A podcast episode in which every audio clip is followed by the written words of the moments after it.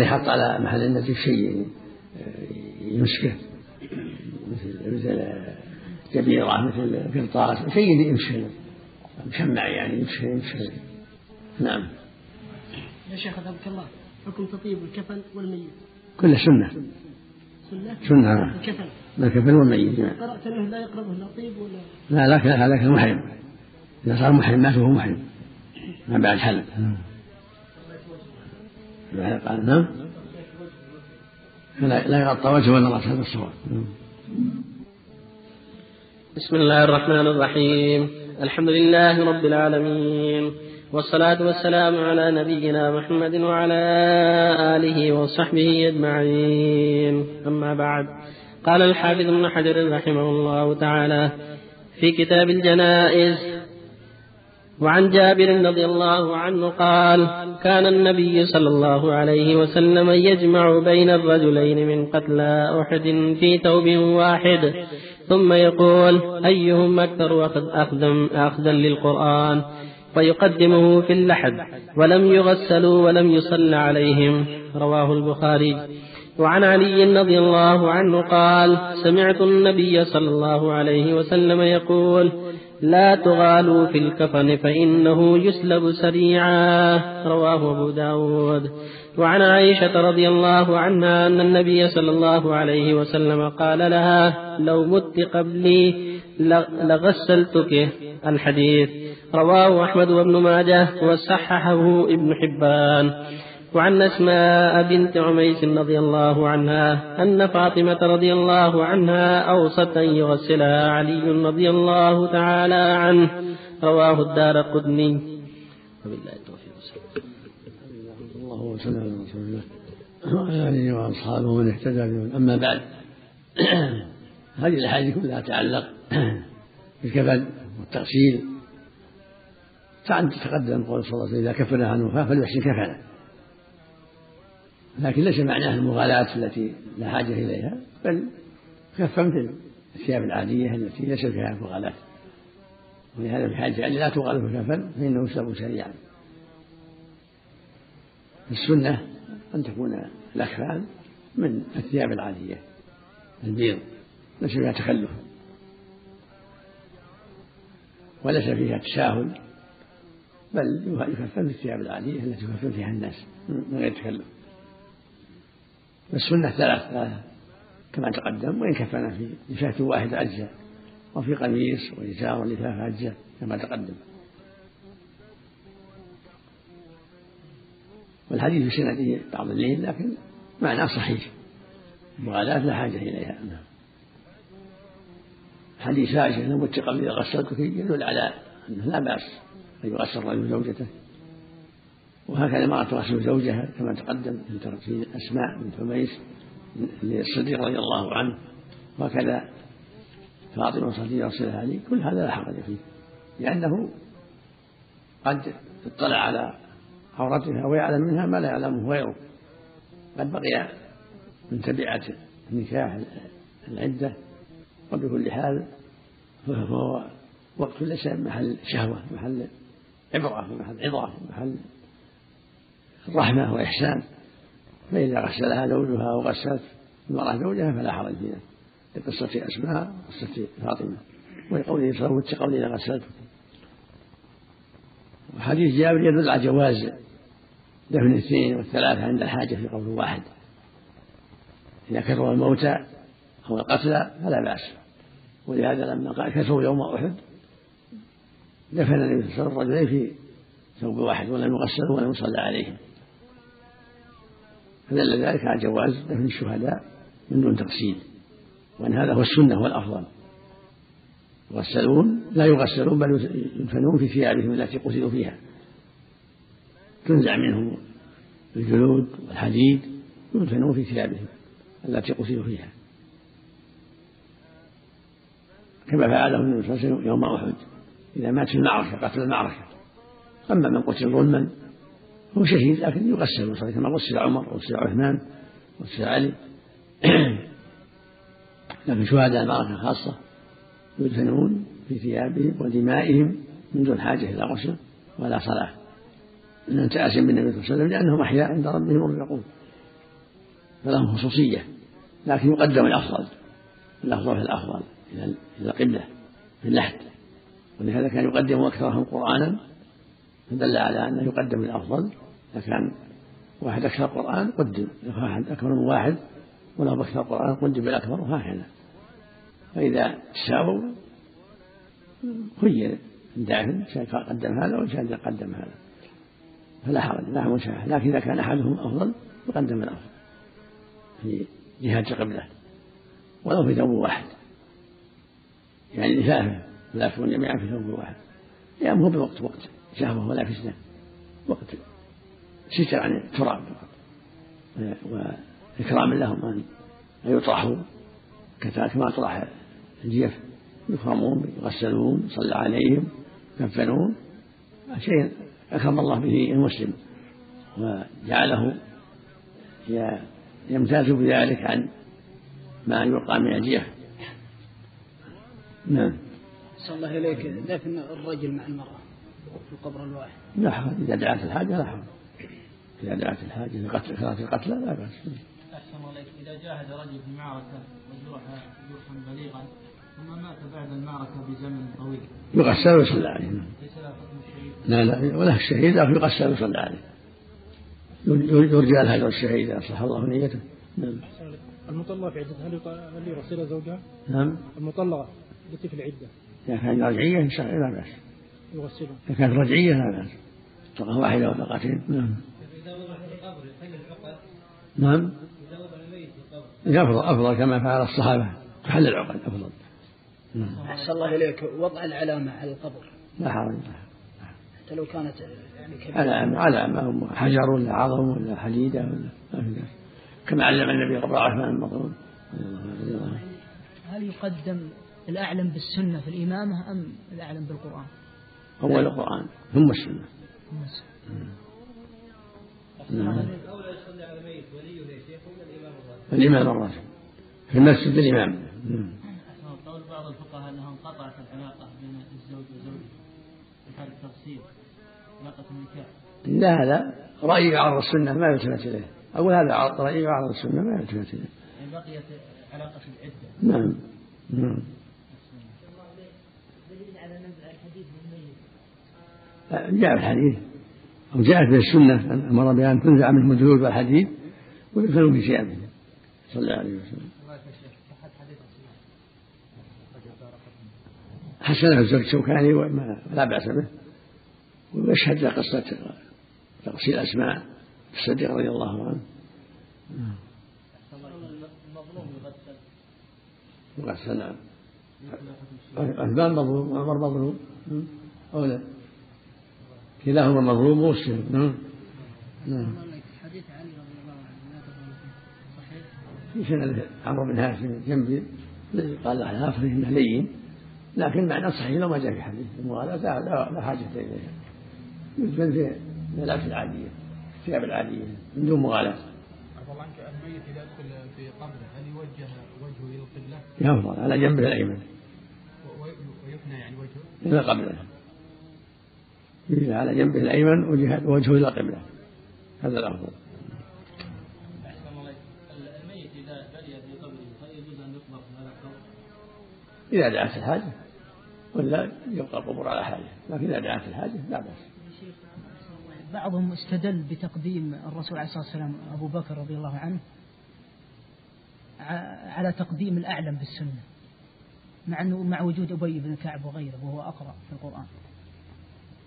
أسباب كثيرة. تقديم الصديق لها أسباب كثيرة. أو تقديم الصديق العلم وفضله تقدمه في الإسلام قوة كمال إيمانه. له مناقب كثيرة مقدمة على أبي في أشياء كثيرة. رضي الله عنه وأرضاه. بحفظ لكتاب الله لو ما كان يعني يطلب العلم أو طالب علم وليس حافظا لكتاب الله يقول اليوم القوم أقرأوا من كتاب الله. والقراء ذاك الوقت هم العلماء. القراء هم العلماء. أقرأ الناس في كتاب الله هم العلماء. يقرؤون ويعلمون ويتعلمون ويتفقهون في الدين. ثم قائل ما يعلم يعلم يقدم عليه العالم ولو ولو هذا ولو هذا يجوز القرآن. لأن المقصود يقرأهم لكتاب الله علما بكتاب الله. تجويدا له علما به. القراء هم العلماء. نعم. أحسن الله عليك يا شيخ. بالنسبة لتوجيه الميت إلى القبلة هل هي من السنة ولا من الأمور المستحبة؟ من السنة. الحديث الكعبة قبلتكم أحياء وأمواتا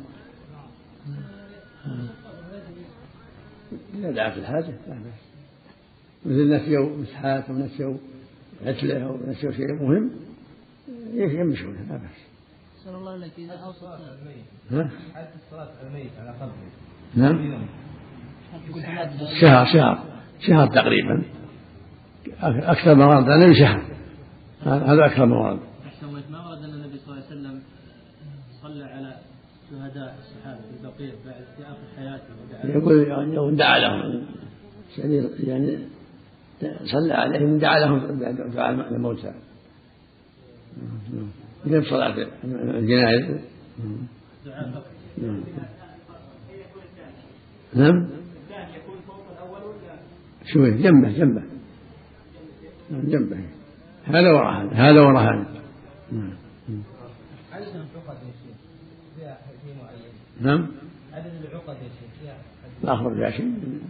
لكن هذا لقصد ضبط الكفن لا ينتثر تضبط الكفن في أعلاه وأسفله وسطه وأسفله حتى لا ينفل. فإذا وضع في القبر ما في خطر إذا فكت إذا حلت أحسن الله إليك. يوجد في بعض البلدان قبور في المساجد. هل يصلي فيها أو يصلي في مسجد آخر؟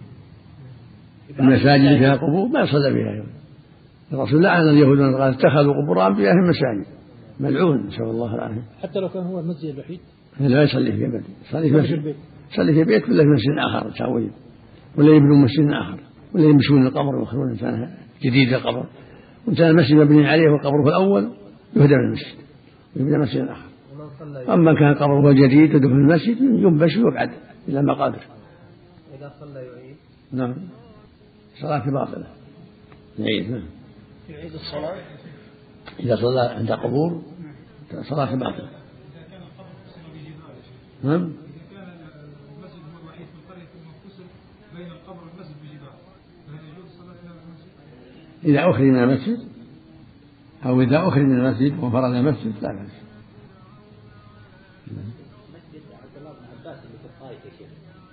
هذا خارج المسجد.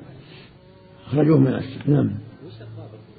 كيف نعرف أن هذا داخل المسجد أو هذا داخل جدرانه اللي داخل داخل, داخل جدران المسجد. سواء يمين ولا شمال ولا خلف ولا. هذا هذا نفس المسجد اللي يصلى فيه. هو يسور ويجوز بعض الأجانب بعد الصلاة يدعون عنده. إيه. إيه ما هو أخرج من المسجد وليس من المسجد صار في مسجد النساء الحاصل أنه مو من المسجد اخرج من المسجد وليس من المسجد. خارج المسجد مثل ما يدفن بعض القبور حول حول المساجد يعني يمين أو شمال أو قدام أو خلف ما يضرها لكن لا يكون في وسطها. أن يكون في الوسط ان يكون في داخل في داخل جدران المسجد. يعني التسوير هو اللي يعني أي يكون في داخل المسجد سواء من يمين أو شمال أو خلف أو قدام. صلى الله عليك ما نسمع من بعض القصص أن فلان جاء به ليقبر فإذا بثعبان في القبر ثم آخر قبر آخر فإذا بثعبان. نسمع بهذا القصص ما أدري والله ما يعني ابن رجب ذكر أشياء من اهوال القبور في كتاب الله سماه اهوال القبور مراجع ذكر أشياء عجيبة في اهوال القبور لابن رجب رحمه الله. لكن من يذكر أنه رآها؟ بعض ال- الذين يتكلمون بهذا يقول رأيته بنفسي الله أعلم. وهو بعيد. يعني ممكن وقوع الأمر هذا. الله أعلم. وهو بعيد. يمكن. الله يستشهد به يعني إذا ألقى موعظة وكذا يصلح يستشهد ويقول. لا ترك هذا اولى المهم حث الناس على طاعة الله ورسوله والاستعداد للاخره والحذر من المعاصي. هذا المطلوب. كما فعل النبي والصحابة. يحذر من المعاصي ويؤمر بطاعة الله ورسوله. أما أشياء قد تثبت وقد لا تثبت قد يكون فيها مبالغات تترك. يسلك الإنسان مسك الرسول والصحابه الصحابه عليه الصلاه والسلام يقول نبش القبر في المسجد الذي في المسجد. إذا كان فيه فتنة سيؤدي إلى فتنة كبيرة بين الناس فهل ينبش أم يترك؟ ينبغي من جهة ولاة الأمور. لا يسأل الا من طريق ولاة الأمور. اما محكمة ولا إمارة حتى لا يكون فتنة. بعض البلدان يكون فيها بعض الناس عنده قوة ومنعة يستطيع أن ينبش. المقصود من جهة ولاة الأمور. ينبغي من جهة ولاة الأمور حتى لا تكون فتنة. في دول ما ولاة الأمور لا ينبشون فيها. نعم. في دول ينصح- ولا ولا يصلي معه إذا ما نبش لا يصلي فيه الله واسعة اللي حصل مؤخرا في اليمن الجنوبي هل تؤيدون هذا؟ عفى الله عنك يا؟ نبشوا بعض القبور وهدوا بعض القبر لا ما نأيد أن أحد يتعدى. إلا من طريق ولاة الأمور. يعني يقع فتنة. أصلا فوضى فوضى. يقع فتنة يقع فتنة. لكن لا يصلي في المسجد اللي في قبر. لا يصلي يصلي ولو في بيته ما حصل شيء. الحمد لله. كان القبر موصول بجدارين بحيث يكون في غرفة. المقصود إذا كان خارج المسجد خارج لا داخل المسجد. لا ما يصلي لا يصح.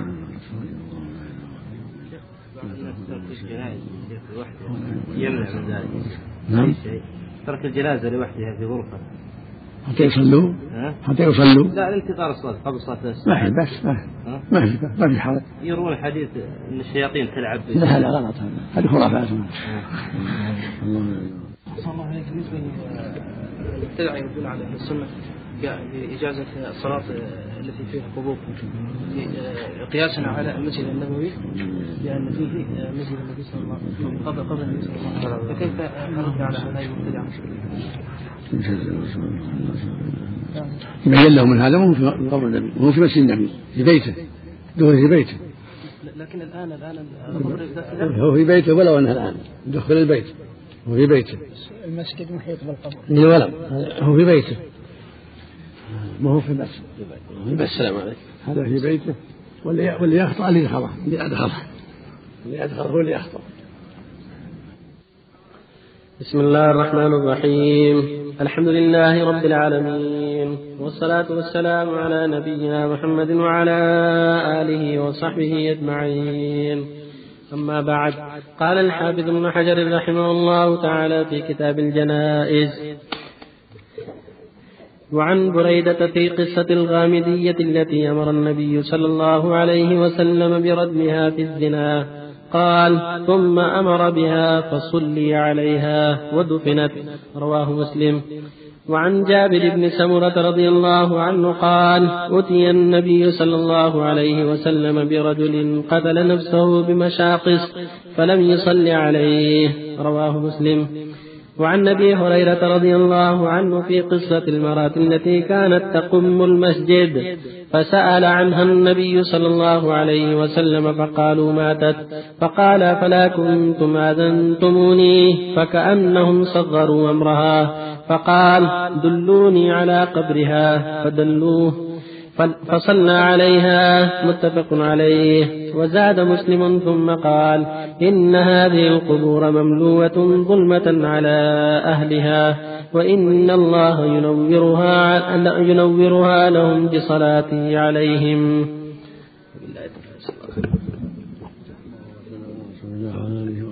أما بعد هذه الأحاديث الثلاثة. في الصلاة على الجنازة وعلى من أقيم عليه الحد أو القصاص. أو قتل نفسه. دلت الأحاديث على من قيم عليه الحد يصلى عليه. قد صلى على ماعز. قد تاب توبة. قد امرأة تابت قد تابت توبة وزعت وقسم بين سبعين وسعتهم غامدية وصلى على ماعز بعدما تاب واعترف. هذا يدل على من أقيم عليه الحد بالرجم يصلى عليه. رجلا كان وامرأة لأنه مع توبته ومع إقامة الحد يحصل له خير عظيم لأن الحد كفارة. الحدود كفارة. وكذلك القصاص. فإذا صلي عليه فهو خير إلى خير.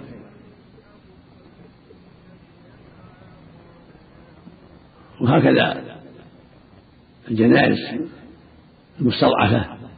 يشرع الصلاة عليها؟ ولا تحقر. صلي على الكبار والرؤساء والأعيان. ولهذا صلى على التي كانت تقوم المسجد. قال دلوني على قبرها. صلى عليها. دل على تواضع صلى الله عليه وسلم. وأنه صلى الله عليه وسلم كان يرحم المساكين ويحبهم ويعطف عليهم. فهذه امرأة في وقت السوداء كانت تقوم المسجد. فكانت وفاتها ليلا فكرهوا أن يقولوا الشيء عليه الصلاة والسلام وأن يكلفوه. فلما سألهم عنها قالوا إنها ماتت ليلا. كرهنا أن نوقظك قال دلوني على قبرها. فدلوا على قبرها وصلى عليها عليه الصلاة والسلام. هذا يدل على التواضع وشرعية الصلاة على المساكين والضعفاء والصلاة على القبر. أن من لم يصلي على الميت صلى على قبره لا بأس. وفي شرعية قام المسجد وتنظيف المسجد وأنه إذا قام به أحد فقد عمل عملا طيبا. في الحديث الصحيح صلى الله عليه وسلم مريض قال يؤجر أمتي حتى قال كل الرجل المسجد. حديث آخر أن أمر صلى الله عليه وسلم تنظف المساجد وأن تطهر وتطيب فالسنة تنظيفها فإذا قام بذلك رجل أو امرأة فقد أتى خيرا عظيما. وفي هذا يقول صلى الله عليه وسلم إن هذه القبور مملوءة ظلمة على أهل وإن الله ينورها لهم بالصلاة عليهم. هذا يدل على فضل الصلاة عليهم وأنها وأنها تنفعهم. الصلاة على المسلم تنفعه من أسباب النور له في قبره.